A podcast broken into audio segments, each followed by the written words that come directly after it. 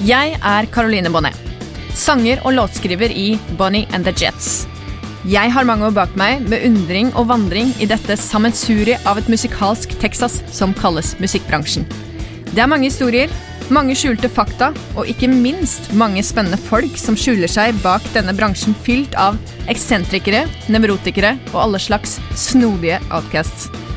Jeg bestemte meg en kveld for at jeg ville forvandle denne nysgjerrigheten til å bli min egen podkast. Jeg kommer til å invitere forskjellige gjester fra bransjen som forhåpentligvis vil fortelle meg noe nytt som muligens verken jeg eller du visste fra før. Hver episode vil kunne belyse kjente og kanskje ikke fullt så kjente sider av nettopp musikkbransjen. Dette er hashtag bransjen.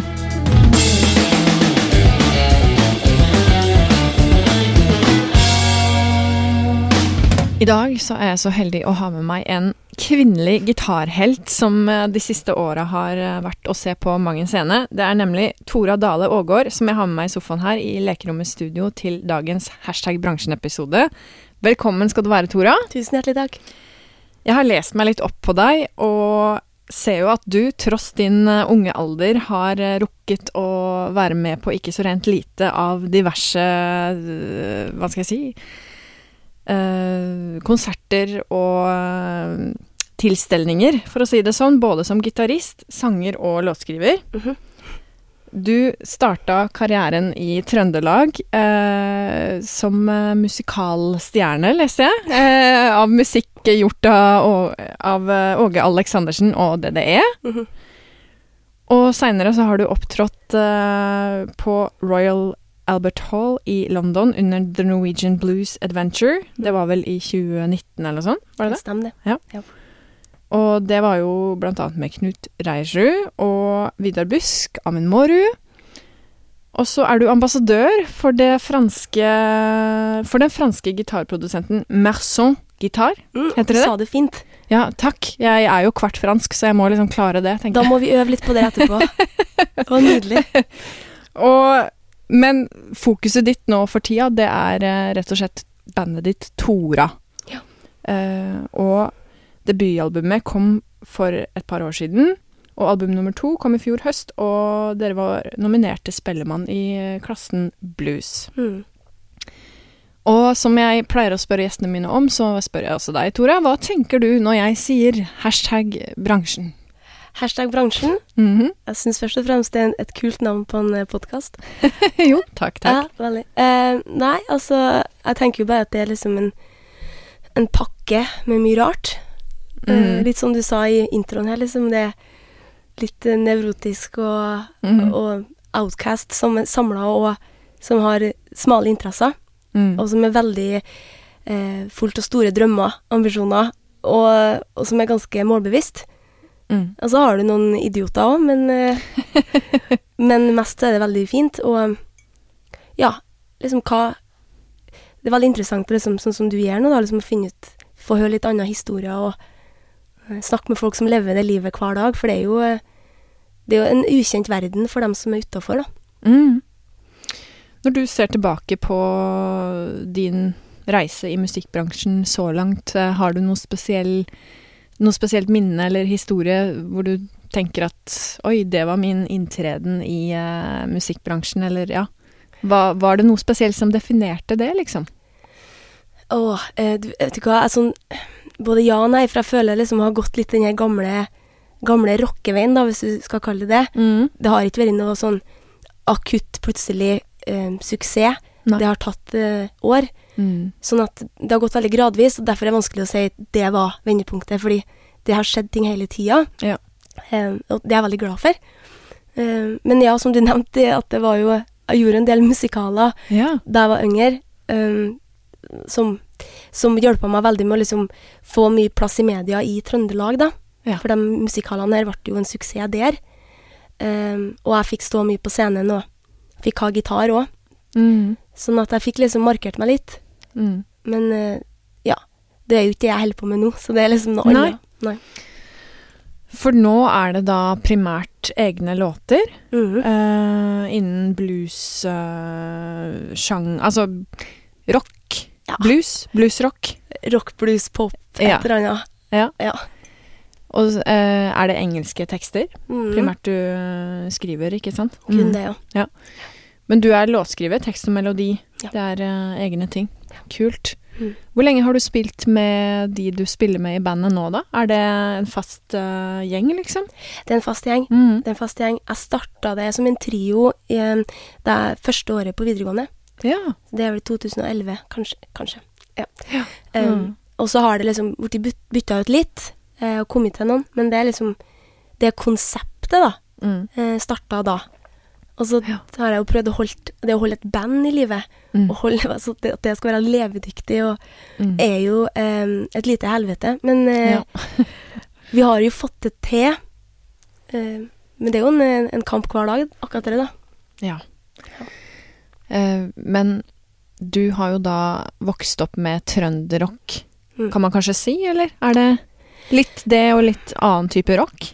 Jeg tror liksom at eh, for det at jeg eh, kommer fra en sånn såkalt musikkfamilie, da, Ja. så, så var det mer annen type musikk hjemme til oss. Eh, det var mye mer eh, soul og jazz, for min søster er mer soul- og jazz-sanger, da. Ok. Så det var mye av det, og det var mye gammeldans. Ja. Eh, mye vømmøl, for dem som vet hva det er. Det vet jeg hva er. Ja. Vømmøldans? Ja, ja, Ja. nydelig. Eh, så det, liksom, det var bare så mye forskjellig, og, og mye Michael Jackson. Og, Mm. Så trønderrock var noe som, som jeg Jeg visste, hørte jo mye Åge og DDE, men liksom, Mm. det traff meg aldri. Nei. Nei. Når du øh, tenker på reisene du har hatt sånn på turné, og når du er rundt på konserter og sånn, har du noe spesiell opplevelse hvor du tenker at shit, det her hadde liksom aldri skjedd noe annet sted enn i musikkbransjen? For det er jo virkelig mye rart man kommer borti, og mye man uh, ser og ja, mye man opplever som kanskje ikke skjer i andre bransjer. Det tror jeg absolutt. Har du noen spesiell bransjehistorie du kommer på når vi sitter her nå? Det er kanskje vanskelig å Ja, det, det er Finne én. Ja, det er vanskelig å finne en. Det er vanskelig å finne en. mm. Eh, det er jo det. Eh, For det, det, går, det går liksom litt i ett, kjenner jeg nå. At det, Ja. det blir en sånn Ja. Du kan tenke litt på det, da. Jeg Kanskje du kommer på. det, Ja. det. Eh, men du var så vidt inne på det i stad når vi snakka i introen, at det er kanskje en del som ikke helt vet hvordan den uh, hverdagslivet i musikkbransjen er, da. Uh, har du noe spesiell tanke om hva de fleste misforstår med Mm. musikkbransjen? Ja, det er et fint spørsmål.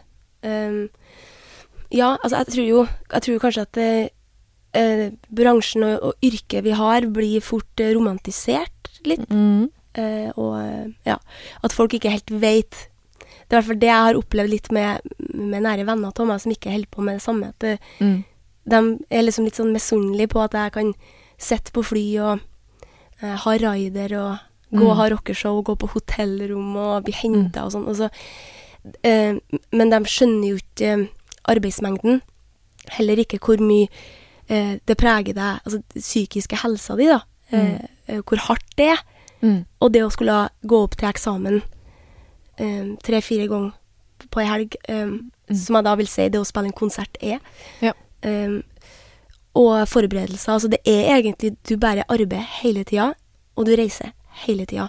Så Mm. så veldig romantisk er det jo ikke. Sjøl om det er sinnssykt artig, Mm. så, så tror jeg bare folk ikke helt vet eh, arbeidsmengden og hvor mye det preger deg Mm. mentalt. da. Ja. Mm. Godt svar. Takk skal du ha.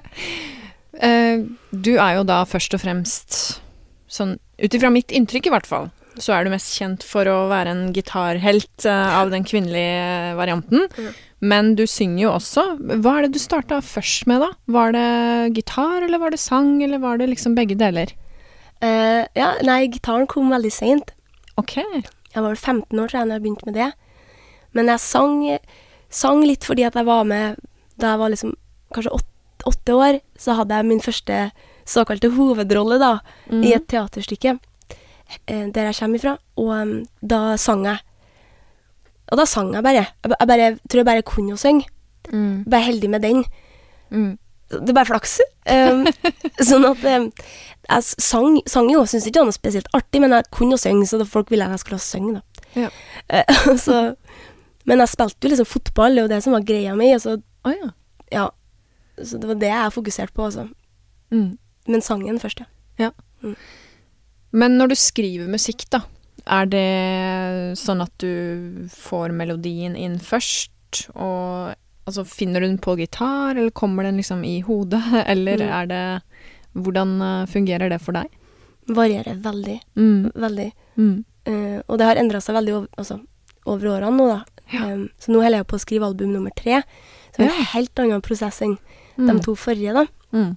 Um, men uh, jeg er veldig glad i ordspill. Ja. Jeg er glad i ord. Um, så jeg har jo Det har vi jo sikkert flest av oss. Notater på iPhone er jo et kaos fullt av ideer og tanker. Oh yes. Og, yes. og taleopptak som bare høres ut som en fis, men du skjønner ikke helt hva du skulle fram til. ja. Um, så prøvde å sette de opp her, da. Men, um, Mm. men, men vanligvis Jeg lager jo alt av demoer og, og, og rekorder veldig mye hjemme sjøl, da. Ja. Uh, sånn at det, det er ofte trommegruv jeg starter med, Mm. eh, eller bass. Ja. Gitar har mer, fått mer og mer sånn avstand til det, fordi jeg, syn, jeg er litt lei av den. Ja. Jeg er lei av lyden av gitar. Ja. Jeg er lei av gitarsolo. Ja. Eh, ikke, ikke at jeg skal slutte med det, nei. Nei, nei, men uh, det er jo forståelig det, da. Når det Ja. på en måte har vært uh, hovedfokus ganske lenge, så er det Ja. klart at man for sin egen del trenger å kanskje fornye litt og få litt nye impulser og Absolutt. Jeg, jeg kjenner veldig på det, altså. mm. Så ja, nei, det varierer. Spørs hvilken låt det er òg, selvfølgelig. Ja, ja, absolutt. Mm. Sånn i forhold til låtskriving sjøl, da, så er det veldig interessant hvor mye det har å si hvilket instrument man faktisk bruker Mm. som tilnærming for selve melodien, da. For jeg gjorde et sånt eksperiment sjøl. Jeg skriver stort sett med gitar eller uh, piano, men så tok jeg en bass, og jeg kan jo ikke spille bass, men det var litt sånn Det blir en annen måte å forme melodien på, da. Mm. Så det plutselig så bare jøss, hvordan, hvordan gikk det her til? Men det er sikkert litt den derre snuble, og så blir det noe morsomt av det, på et vis, da. Ja. Mm. Ja, det, det er jo litt sånn.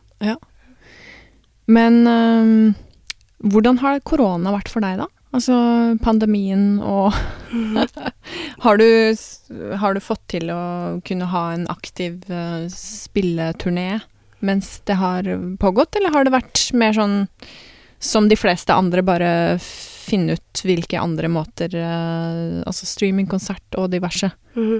Ja. uh, nei, uh, det, litt, litt begge deling. Mm. Fordi altså, sånn, Jeg skulle jo egentlig ha Kall det et gjennombruddsår i 2020. Det var i hvert fall lagt opp til det. Ja. Med englandsturné og plateslipp og store festivaler. Og det var da Mm. liksom vi Det skulle smelle litt, da. Ja. Eh, det gikk jo rett i dass. Um, men så Fordi tror jeg at jeg hadde begynt kanskje å fått et navn i bransjen litt, da. Mm. Sånn fikk jeg jo eh, en del fine streamingkonserter Ja. veldig tidlig. Jeg gjorde koronerulling. Mm. Det tror jeg var fordi at Kari Bremnes ikke kunne. Ja. Så ringte Christer Falk til meg. Ja. Og jeg syns jo det var kult at Christer Falk ringte meg. Det syns jeg var kult, skjønner du. Det er kult. ja, men det er jo det. Men Mm. jeg som var jo såpass ny, på en måte, Mm. at skjønte ikke hvordan han hadde hørt om meg. Og, og, så, og plutselig så måtte jeg gjøre liksom en time konsert alene. Ja. Det var nytt. Jeg er jo vant til å gjøre eventer og gjøre tre-fire låter, men Mm. uh, og jeg fikk beskjed dagen før, så jeg måtte jo bare hive meg rundt og begynne å øve. Uh, Mm. Og fikk flere sånne, sånne arrangerte, fine streamingkonserter som i starten genererte inntekt, sant. Ja. For folk vippsa jo, da. Ja, det var den derre vipsegreia. Ja, det var vipsegreia. Så slutta folk å vippse litt uh, senere, da, men jeg var heldig med å være tidlig ut. Mm. Så tror jeg sommeren 2020 at vi gjorde kanskje ti jobber med, med bandet mitt, Mm. da det fortsatt var lov med 200 stykker. Ja. Så vi spilte jo litt, Mm. Eh, og så ble det helt stopp. Ja. Fra høsten og fram til mai 2021, da. Mm. Men uh, sommeren 2021, nå har vi spilt hver eneste helg. Så bra, da. Ja, veldig. Ja, deilig. Helt fantastisk. Komme seg ut igjen og bare se ekte publikum og Ja. Mm. Det har vært jævlig artig. Mm. ja. Så fint. Hvordan er planene framover nå, med spilling og sånn? Er det mye på gang, eller? Ja, det er, det er travelt. Og jeg har merka liksom at eh, alle kollegaene mine kaller det det, da. Altså, alle er jo så travle nå. Mm. Alt fra lysmann til lyskvinner til Mm. samme hva det skal være, er så opptatt, så det er ingen som får til å treffes. For det er jo åpna opp, Mm. Og alle skal ha arrangement, og alle jobber. Og inkluderer meg sjøl òg, så det går bare i ett. Det går Mm. bare i ett. Mm. Um, og det er jeg veldig glad for. Men nå eh, slipper vi en singel den 29. oktober, Ja. som er ganske in your face uh, til mannfolk, ja, okay. faktisk. En liten fuck you til, Ja. til all dritten jeg har fått, og en liten sånn. 'jeg klarer det likevel'-låt. Det er gøy. Ja, det er gøy. Mm. Eh, og um, musikkvideo og greier. Så Mm. jobber jeg med album nummer tre med Benjamin Hjørts, min produsent. Mm. Uh, og så er det litt spillejobber her og der, og så skal jeg på en juleturné med Adam Douglas i november og desember, da. Ja, nettopp. Ja. Mm. Da går det full rulle, da. Framover. Ja, jeg, Mm. jeg gleder meg til julaften. Ja. ja. Men ehm, i forhold til eh, låtskriving og du som låtskriver, har du noen spesielle tanker om eh, det å altså kreve sin opphavsrett og eierskap til musikken? Fordi de to første episodene i den sesongen her, så har vi mm, fått støtte av NOPA til å snakke om nettopp det, da. Hvordan man verner om sine egne åndsverk. Har du Mm. er du flink til å registrere låtene dine og sånne ting, eller? Ja, Ja. veldig, for jeg er så glad i penger, vet du. Ja. du, ja, ja. Ja, ja, ja. Eh, men eh, ja. Eh, veldig ofte inn på Tono, Mm. eh, og jeg registrerer alle konserter og Ja, så bra. Så du er Ja. flittig sånn, da. Du er eh, Ja, mm. ja for det, det lønner seg jo uansett det å ha At Tono ser at du er aktiv, og, Mm. og andre aktører og kan jo være inn på Tono for å sjekke om du er kvalifisert til å bli medlem i noe annet. Mm. Sant? Her er jo en sånn Ja. ehm, Det er en fin ehm, CV å ha det samla inn på der. Mm. Um, og så er det jo inntekt, så Og det er jo, det er jo penger en skal ha. Så Det er jo faktisk det. ja, det er dumt å ikke kreve det, tenker jeg. Det er jo absolutt det. Ja. Men uh, hvordan er det med Altså, skriver du låtene dine sjøl, eller er det sånn at du skriver med noen i bandet? Har du noen tanker om eh, det å skrive låter sammen? At det kan være litt sånn utfordring i forhold til hvem skal ha hvor mye og sånne ting, eller? Mm. Ja, jeg har, har, har egentlig aldri skrevet låter med noen, men jeg samarbeider bare veldig tett med produsenter jeg har hatt. Ja. Eh, og sånn som forskjellige avtaler, liksom. Eh, album Mm. nummer én og to så jobba jeg med min bror. Oh, ja. Han var produsent da.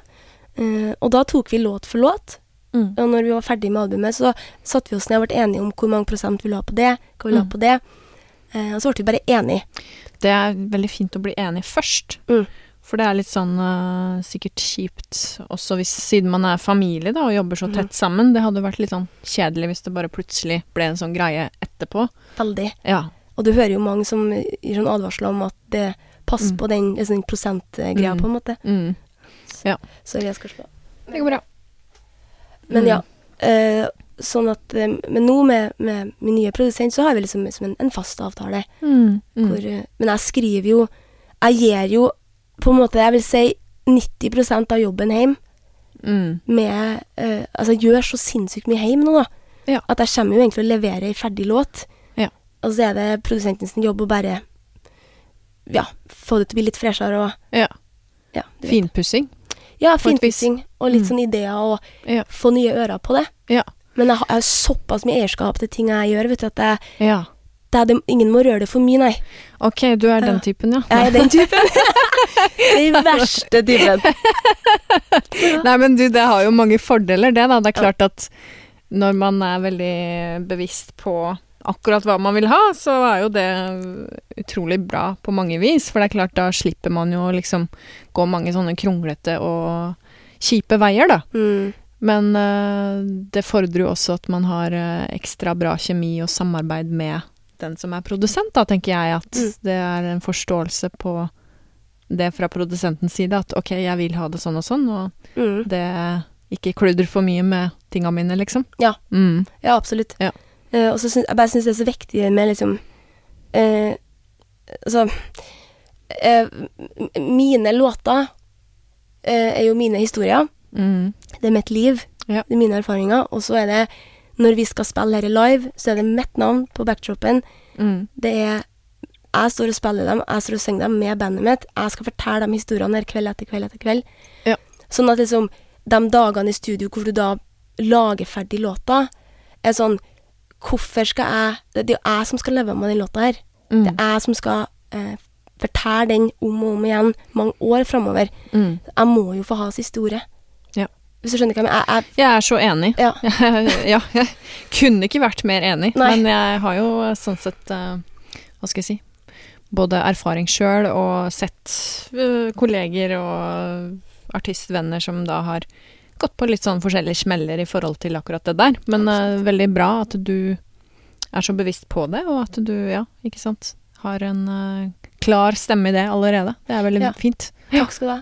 Men uh, hvilke label er det du gir ut musikk med nå, da? Er det Nei, altså egentlig Jeg er jo ganske sånn independent, som, Ja. som vi sier. Det Eh, er jo de aller fleste, egentlig, i disse dager. Mm -hmm. Ja, det. Men jeg har bare et sånn et eh, selskap som heter Touchdown Music i Trondheim, Ja. som ikke gjør noe annet for meg egentlig enn å få det på Spotify, altså få det ut. Mm. Så gjør jeg eh, alt sjøl. Mm. Og det, det betyr altså Det er ikke sånn at jeg ikke kunne jeg tenkt meg å bli signert av et major label, men, Nei, nei. men det, det er jo en interessant ting, da. Eh, snakker jo om bransjen, liksom. Mm. Altså plateselskap og, og spesielt min sjanger, hvor jeg tror folk eh, ser bilder av meg eller konsertklipp eller hører låtene mine og tenker Herre her er ikke salgbart.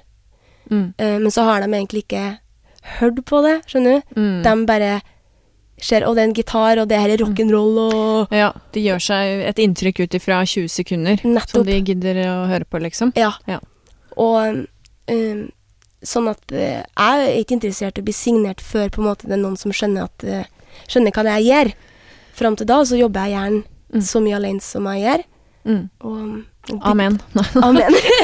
Nei, men jeg, ja, jeg syns det er veldig klokt og fornuftig det du sier der, fordi Ja, kan relatere veldig til det at man har bedre av å gjøre tinga sjøl, hvis, det er, eh, hvis det er sånn at de som eventuelt skal jobbe for deg, ikke vet hva du vil, og hvilke hva skal jeg si, arenaer mm, som er aktuelle for uttrykket mm, en har, da. mm, For uh, jeg hadde gjest eh, Hadde Ole Henrik Antonsen, eh, leder i NOPA faktisk, som gjest her eh, nå for noen uker siden, og han nevnte på det at det burde kanskje være litt mer eh, opp i lyset det faktum at man skaper sin egen arbeidsplass. mm. Det, når man ikke sant, skal leve av å være artist og musiker, at det er stort sett egne initiativ som jobbene kommer ut ifra, og så er det selvfølgelig sånn at noen er heldige å få noen til å gjøre den jobben for seg etter hvert, men øh, til man øh, når det punktet, så er det Mm. faktisk ekstremt mye jobb og innsats man gjør mm, sjøl for sin egen karriere og egne jobber man da potensielt kan få. Ja. Og hvis, hvis de, altså om det er et label eller om det er management som da ikke er på samme tone som en sjøl, så er det på en måte ganske dødfødt. mhm. For da jobber man jo i to retninger.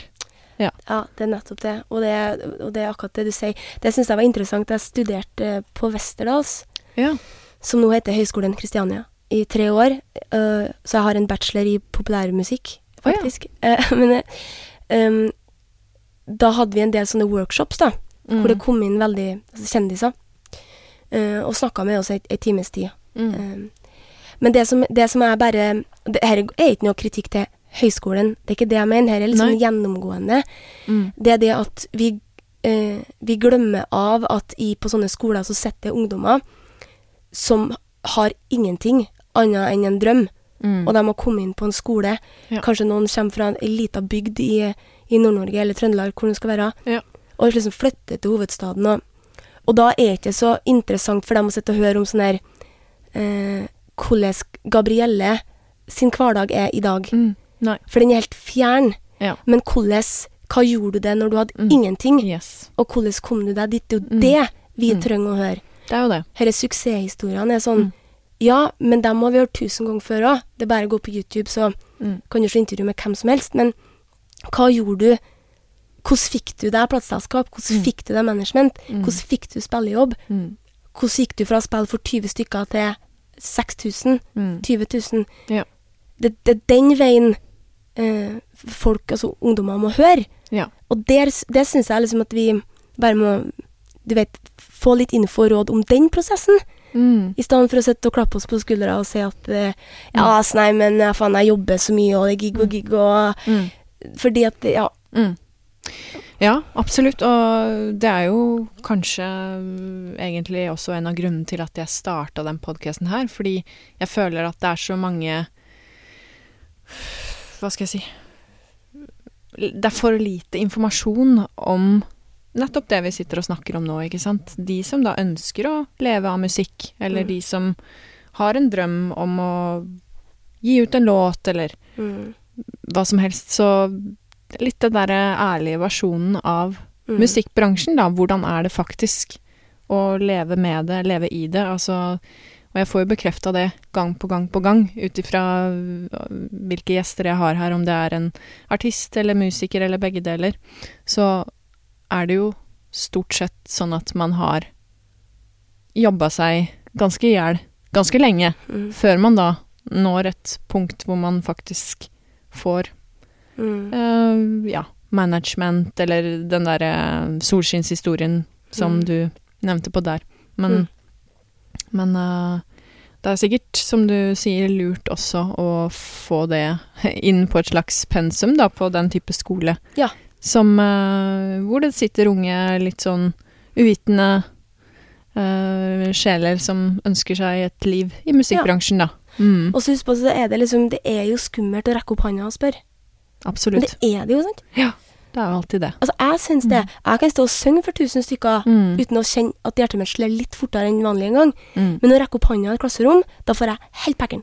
Ja. Da fryser jeg helt. mm, Og vi er jo forskjellige sånn, sant? absolutt. Og, og det å rekke opp hånda og spørre siste kyrkjebø Mm. Men hva gjorde du før du Altså, Ja, ja, ja. det, det er kjempeskummelt. Og, og eh, Mm. Det var Mm. det. Jo, jo, men det, det er veldig sant, og det er klart at i sånne settinger så er det alltid sånn man blir redd for å spørre om noe dumt, Nettopp. ikke sant? Og det, Det så det er et godt poeng at kanskje de artistene som har gjort suksess, burde være litt mer åpne om Mm. hva, hva gjorde de før, Mm. før den kom, liksom. Ja, ikke sant? Mm, og, og ja. hvilke spørsmål blir du stilt av det mennesket Mm. som sitter og spør deg, um, på en måte? Ja. Um, ja. Hva, hva tenker du om den norske musikkbransjen kontra, hva skal jeg si, uh, utlandet? For du har jo absolutt en fot innafor i utlandet også, i forhold til å ha signing med den her eh, gitarkompaniet Mm. i eh, Frankrike, og så skulle du egentlig ha en turné i UK, som du sa. Mhm.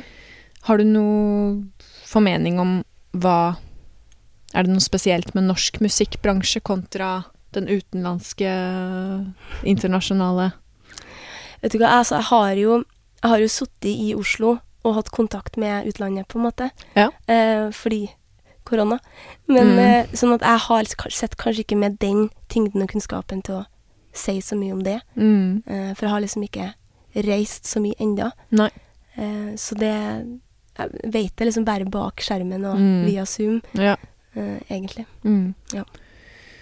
Fordi det er jo Jeg har litt sånn inntrykk av at det er en del sånn I norsk musikkbransje så er det en del ting som går igjen blant de som på en måte har et stort navn, så er det sånn Alle skal innom hver gang vi møtes. Altså, det er en sånn der Mm. regle med ting man eh, Hva skal jeg si kjører gjennom, Ja. som er en sånn kommerskjør, da, som, som de fleste kanskje er litt sånn dømt til å gjøre også, fordi hvis man ikke er med på det og det, så Mm. blir det litt uh, Blir det litt sånn uh, Skyter seg sjøl i uh, beinet. Ja, det, det er en interessant, interessant ting du tar opp, det der med sånn, sånne ting vi har i Norge som er Mm. veldig du har liksom, Hver gang vi møter Stjernekamp um, så, sånn- Ja, sånne Ja. program veldig, da. Mm. Um, eh, og jeg har jo bestandig, kanskje, kanskje mer nå, kommet til et sånt punkt hvor jeg er veldig redd for det som er veldig kommers, da. Ja.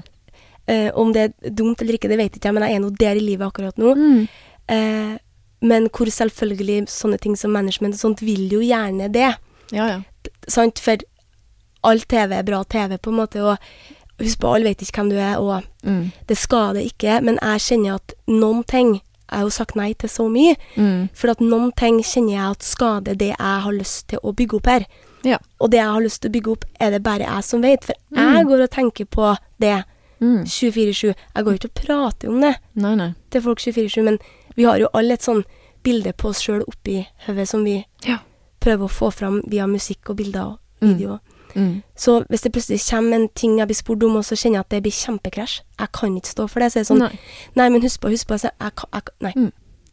Og det er så viktig, da, å kjenne på den magefølelsen bare, vet du hva, nei, det føles feil, liksom. Da Da skal jeg ikke selge sjela mi til, eh, til et konsept jeg ikke kan stå inne for. Nei. Det er uh, viktig. Det er veldig viktig, tror jeg. Men uh, når er det du gir ut tredje albumet? Har du satt noe dato på det, eller? Er det Ja, altså, vet du hva, det, det er, Planen i utgangspunktet var jo å slippe det høsten neste år. Ja. Men så merker jeg at eh, jeg har lyst til å angripe festivalsommeren neste år Mm. med et nytt album i bagasjen. Ja. For nå har vi gjort de låtene jeg har såpass mye, og Ja. jeg elsker dem. Men jeg har lyst for min del, og for bandet sin del, å freshe opp litt, og Mm. Oppgradere showet og repertoaret. Sånn at eh, i morgen skal jeg i studio til min produsent, eh, og så skal jeg si Du, hvor fort tror du mm. Hvor fort tror du? Ja. Hvis vi gjør sånn og sånn og sånn, er det mulig? Sånn at uh, vi får se, men jeg har Mm. veldig lyst til å slippe det før sommeren neste år. eh, hvis det er mulig. Spennende. Ja, veldig. Men um, er det noe Altså sånn at Ser du noe tråd sånn musikalsk i, i eh, album 1, 2, 3? Har du noen sånn spesiell plan på det, eller er det Du, det er interessant at du spør om Rett før jeg for hit, så satt jeg og jobba med ei låt, og så sitter jeg og tenker sånn i, eh, Veldig ofte så skal det liksom være et slags konsept. mm. Vel, eh, liksom, kanskje det er en historie sammenhengende i låtene, det er samme sound på ting, coverart og bilder og video, alt henger jo opp. Mm. Jeg sitter ikke med nok ressurser til å lage en, en sånn pakke. Det har jeg aldri gjort. Nei. Eh, jeg fokuserer på låtene, og så må- det være et kult coverbilde. Mm. og, så, og så får låtene stå i seg sjøl, sjøl om jeg Mm. elsker det visuelle og sånn. Men alt koster penger. Ja. Sånn at noen ganger så går det bare ikke. Eh, men, eh, men, men det jeg kjenner bare på at det album tre blir sammenligna med de første, er at det er en mye tydeligere langefinger fra meg nå. Ja. En mye mer sånn eh, jeg Sånn som menneske så er jeg veldig tydelig og rett fram. Ja. Eh, og det kan bli litt for mye. Jeg er en intens trønder. men men på, i musikken så har jeg kanskje prøvd å holde igjen litt, sånn at det skal kunne komme på radio. Sånn at folk ikke blir for provosert. Sånn at folk altså, skjønner, Mm. Mm. tilpasser seg litt. Det er jeg ferdig med. Ja. Ja. Det syns jeg er veldig fint. Takk skal du ha. Ja. så jeg tror folk må bare um, holde seg fast, for det, det kommer til å komme en del låter som, som er meninga skal provosere. Ja. Jeg er ikke her for å liksom være søt og snill, det, det skal smelle litt òg. Det er viktig, og det er uh, sunt, tror jeg, for uh, publikum uh, å høre noe som på en måte ikke er lagd for å please. Mhm. For da er jo litt av poenget vekk også, ikke sant? Det er viktig å kjenne på den derre ærligheten i uttrykket. Ja, Så det, ja. Det tror jeg vi trenger. Det er Ja. jo nok av den uh, mainstream uh, lollipop-poppen. -hmm.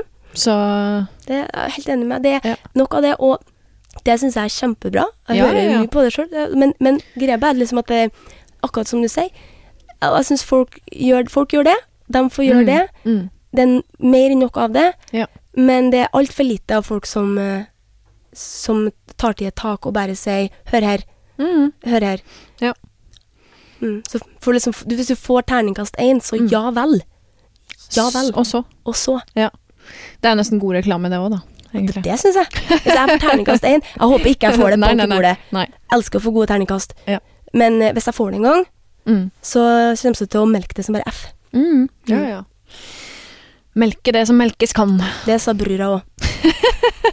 Ja.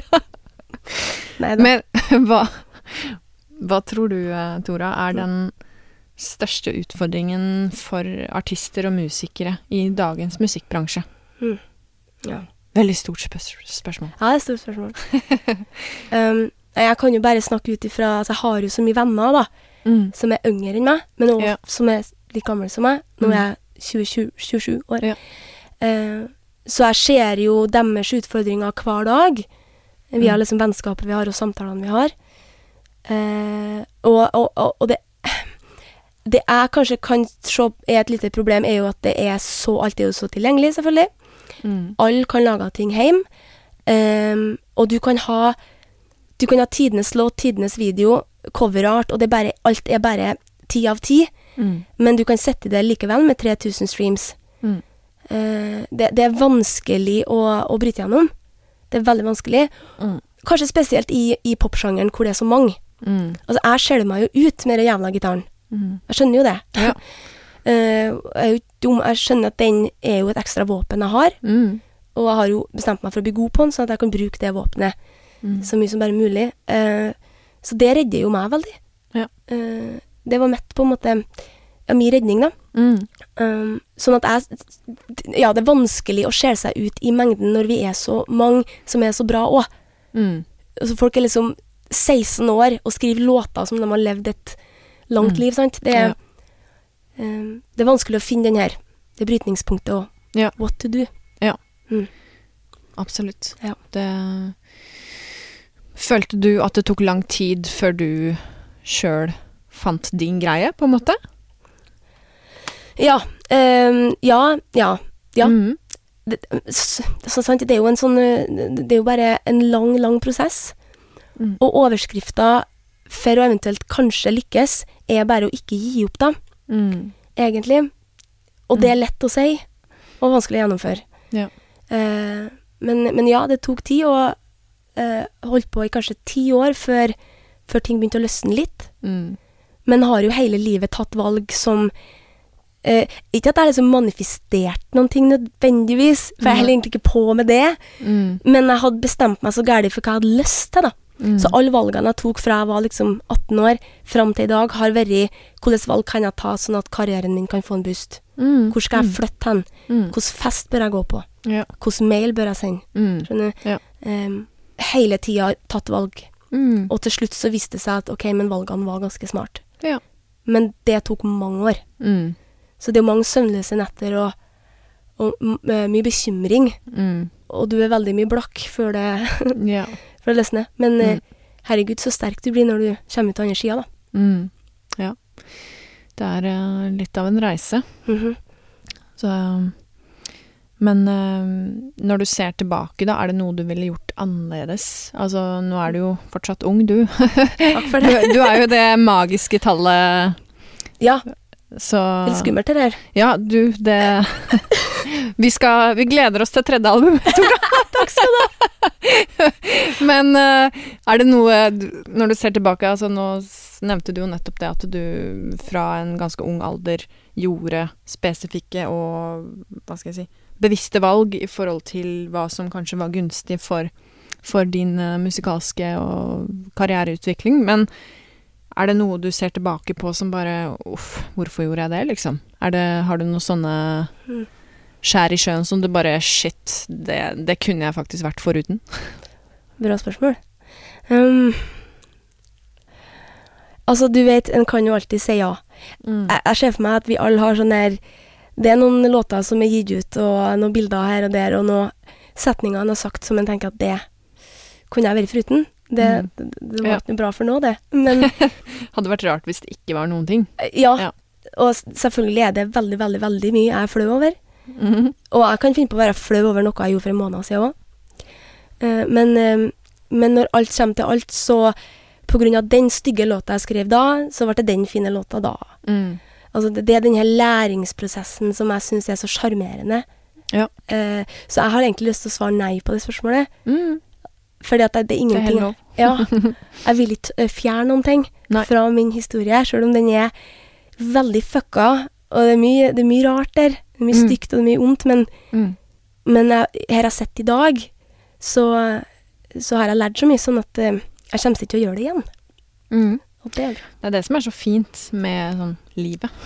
rett og slett At man lærer av sine feil, og så hadde man jo ikke vært den man er hvis man ikke var gjennom det man var, da. Nei, det er akkurat det. ja. Og så var det liksom riktig da. Ja. Skjønner du hva jeg mener? ja. Den buksa han hadde på seg, den var riktig Ja. da. ja. Det er noe med det. Ja. Og ja, så hadde jo kanskje ikke den låta kommet hvis man ikke hadde opplevd sånn og sånn, ikke sant. Det, det er noe med det. Og det hadde vært veldig kjedelige låter hvis det ikke var et levd liv, Ja. tenker jeg. Jeg er helt enig. ja. Hvis man bare hadde vært i en sånn derre boble hvor man Å, det er så fint å skrive musikk og bla, bla, bla, og så bare hoppa rundt som en sånn evig lykkelig Ja. låtskriver og musiker, så hadde det jo virkelig vært uh, ganske platt. Det, det, det, nettopp det. Ja. Og det er det som er så sjukt, når du sier det, da, Mm. så, så begynner jeg bare å tenke, men liksom sånn at den, her, den siste plata vår som ble nominert til Spellemann, Mm. som for så vidt var et sjokk fra en annen verden, Mm. uh, men uansett, det, de låtene det skrev jeg jo i den tøffeste perioden i mitt liv på privaten. Eh, og mens jeg satt og skrev låtene, så tenkte ikke jeg over det. For når du lever i det, så lever du i det. Ja. Både i det tøffe og i det fine. Så du, Mm. du tar dag for dag, og du kommer deg gjennom. Mm. Så kjenner du på andre skia, så tenker du hvordan Hvordan kom jeg meg gjennom, Mm. egentlig? Ja. Eh, men midt oppi den bobla så skrev jeg jo ti låter. Ja. Og, og, og fikk det spilt inn, og fikk det gitt ut. Mm. Og så får du den Du, den er nominert. Mm.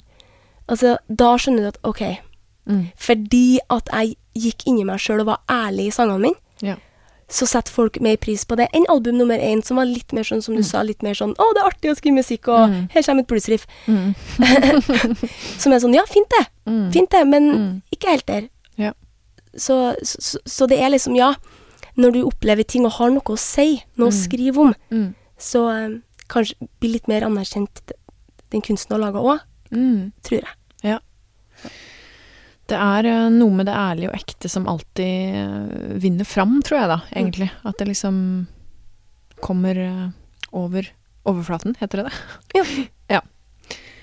Men uh, i forhold til uh, det å gi ut musikk og sånne ting, har du mye, hatt mye hodebry med altså hvordan du liksom skal gjøre ting i forhold til administrative Nå har du vel kanskje noen som gjør ting for deg?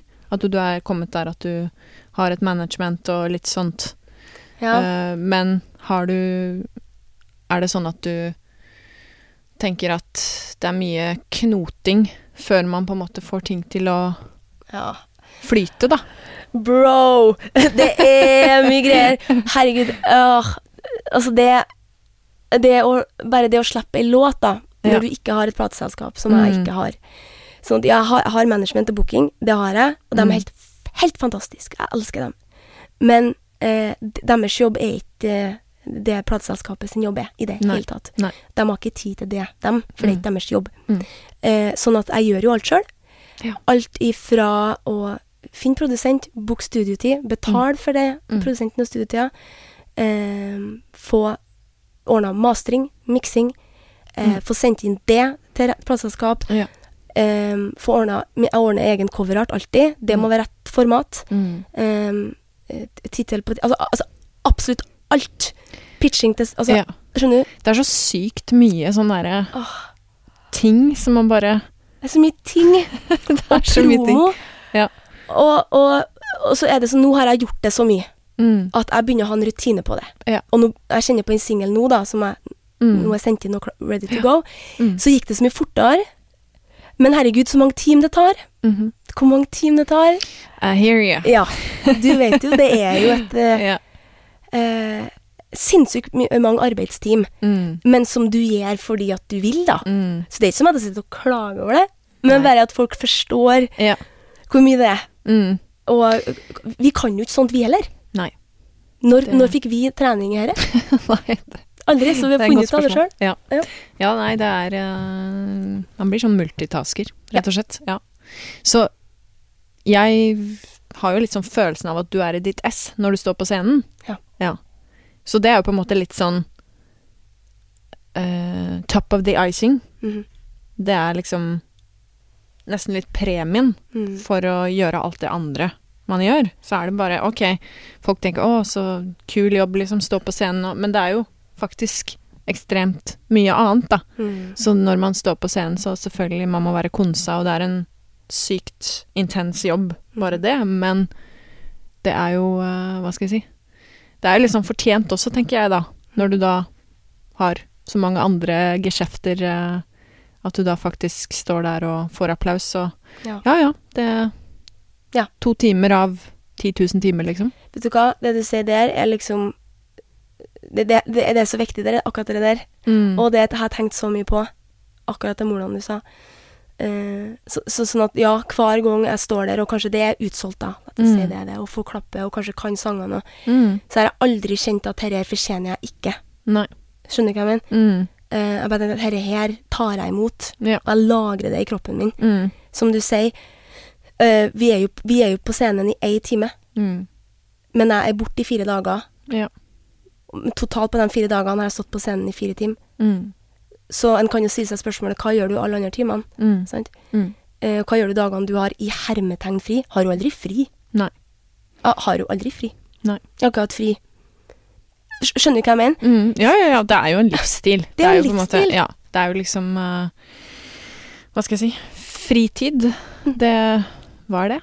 Ja, ja, det er litt sånn. Ja. Og selvfølgelig kan en ta seg fri. Mm. Altså, jeg, jeg kan jo sitte og se Netflix en hel dag hvis jeg vil, Mm. men da har jeg så dårlig samvittighet at jeg eh, det, det, det går bare ikke. Nei. Og det er jo for at jeg elsker arbeid òg. Vi elsker jo arbeid. Mm. Det er jo, jeg tror det er noe musikere har i seg. Ja. Det driver. Ja. Så, så det gir så mye Mm. å være produktiv. Ja. Eh, og så sliter en seg ut, da. Ja. Så det er jo litt sånn eh, Ikke gjør det, folkens. Ja.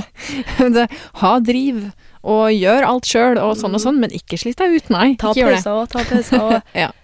alt det der. Mm. Ja. Men uh, har du kommet på noe historie fra veien nå, eller? Som uh, noe sånn morsom, uh, morsom greie fra en konsertopplevelse, eller har du noe sånn beste konsert du tenker tilbake på? Som du bare åh, shit, det var bra. Ja, altså Det, det har jeg jo, Mhm. selvfølgelig. Men det er mer en sånn, du vet, en følelse av at ok, men dette var ti av ti ut ifra det jeg vet jeg kan, og det bandet mitt kan. Ja. Responsen fra publikum. Kongsberg Jazz i år var Ja. helt, helt fantastisk. Og Molde Jazz også var helt nydelig. Mm. Det å spille i Royal Albert Hall var jo stort. Ja. Men det, det er jo fordi at det er en stor ting å gjøre. Mm. Eh, men jeg tror faktisk at det som står seg som det det kuleste jeg har opplevd, er eh, når jeg fikk spille med en som heter Aaron Sterling, Ja. som er trommeslager. Og han er fast trommeslager til John Mayer. Oi. Ja, eh, lang historie kort, så Mm. var han på besøk i, på Westerdals. Ja. Og da spilte jeg noen låter med han. Mm. Og den, den følelsen jeg sto på scenen med han eh, Jeg har ikke opplevd noe før eller etterpå. Kanskje jeg gjør det om noen år, men, Mm. eh, men der og da var det stort. Og det endte jo opp med at vi ble kompiser, Ja. Og tok lunsj i lag. Og, og han spiller jo også på en låt på plata mi, da. Ja, ok. Så, men, men den følelsen når du har studert Altså, jeg har jo studert John Mayer, sant, og, så, Mm. og, og da trommisen, Mm. og plutselig så er der og spiller med han. Mm. Eh, og, og en gang så spilte jeg med Jennifer Batten, Ja. som var gitaristen til Michael Jackson. Wow. Og jeg er jo Norges største Michael Jackson-fan, og Ja. det ser jeg, og det mener jeg. Hvis Mm. noen mener de er større fan, så får de bare ringe meg, så får vi diskutere. Men, så det å spille med henne, selv om vi er vidt forskjellige Ja. musikalsk altså, Ja, ja. Hun tappa som F, og jeg bare Hva faen holder på med? Syns, jeg syns egentlig ikke det var, det var litt stygt, liksom. Men det er hun. Ja. Øh, og sånne ting Mm. uh, står seg veldig for meg. Mm. Det skjønner jeg. Det må jo være veldig, veldig spesielt. Og nesten litt sånn derre Hashtag bransjen. Hvor, eh, hvilken annen bransje får man liksom oppleve noe sånt? Det er jo ganske spøysa, da. Det er helt sinnssykt, vet Ja. du. Og at plutselig, plutselig så skjer det bare ting. Mm. Det bare skjer ting som er sånn Du får oppleve ting som er så sykt, da. mm. Hele tida. Og du møter Det å møte nye folk Det er konstant nye folk. Mm. Nye bekjentskaper. Ja. Sant? Men bare i dag så møter jeg deg. Mm. Eh, før i dag så møtte jeg noen filmfolk som jeg syntes var dritkule. Mm. I morgen skal jeg det. Altså, du er hele tida på farten og får så mye venner. Mm. Og bare tenker Det er ganske sinnssykt. Mm. Å få en ny kompis hver dag. Mm. Ja, det er jo en veldig sånn bransje full av mennesker, og alle går jo litt sånn individuelle veier og møter hverandre, som du sier, Mm. på, på hverandres uh, veier og. Mm. Kanskje man ender opp med å gjøre noe sammen, og det er jo liksom eh, Som du sier, plutselig så spiller du med med John Mayers Mm. trommis, var det det? Mm. Ja. Det er Ja. kult. Mm. Ja, og, og liksom det som, hva som er litt spesielt med bransjen, er jo her at det består jo vi består jo av folk som er kreative mennesker, Mm. eh, som er ofte veldig utadvendt og Mm. åpen. Mm. Vi er mer åpen, Mm. tror jeg. Ja, det er vel en litt sånn annen uh, måte å kanskje For å kunne vise følelser som vi gjør, på en måte, i den derre mu musikk... eh, musikkgreia, så ja, fordrer vel det. At man er mer åpen, ja, som Mm. du sier. Ja, På jeg en tror det. måte. Vi er litt sånn egen rasefolk. mm. All, I alle ledd i, i Mm. bransjen. Så fordi at vi er vant til å møte folk òg. Ja. Vi er vant til den prosessen med å, Mm. med å helse og bli kjent, og Mm. vi har det i kroppen. Mm. Og, og, og, så, og så tror jeg òg liksom at altså, si hvis du skal spille med noen nye folk, så skal du samarbeide på en ganske sånn en spesiell måte. Ja. Du hilser for første gang, ti Mm. minutter etterpå står du og spiller for folk i lag, Mm. og har show i lag. Ja. Men du har aldri møttes før, Mm. og da må du bare bli kjent. Ja. Du, du blir kjent på sekundet, Mm. og så har du noe å snakke om når du går av scenen, Mm. tar en øl i lag. Mm. Det går så fort, da. Ja. Og det er veldig fint. Mm, ja, det er jo en sånn spesiell uh, greie hvor man faktisk møter utrolig mye mennesker, og utrolig mye fine mennesker, ikke minst. Veldig. Så jeg vil bare si tusen takk ja, for at du tok deg tid til å komme hit og skravle med meg i hashtag bransjen. Veldig Oi. koselig, Tora. Det var veldig fint. Så gleder jeg meg til å høre singelen din, som du kommer ut med snart. Ja, det blir bra. Ja, den skal jeg sjekke ut. Det må du òg. Takk for at du lytter på hashtag bransjen.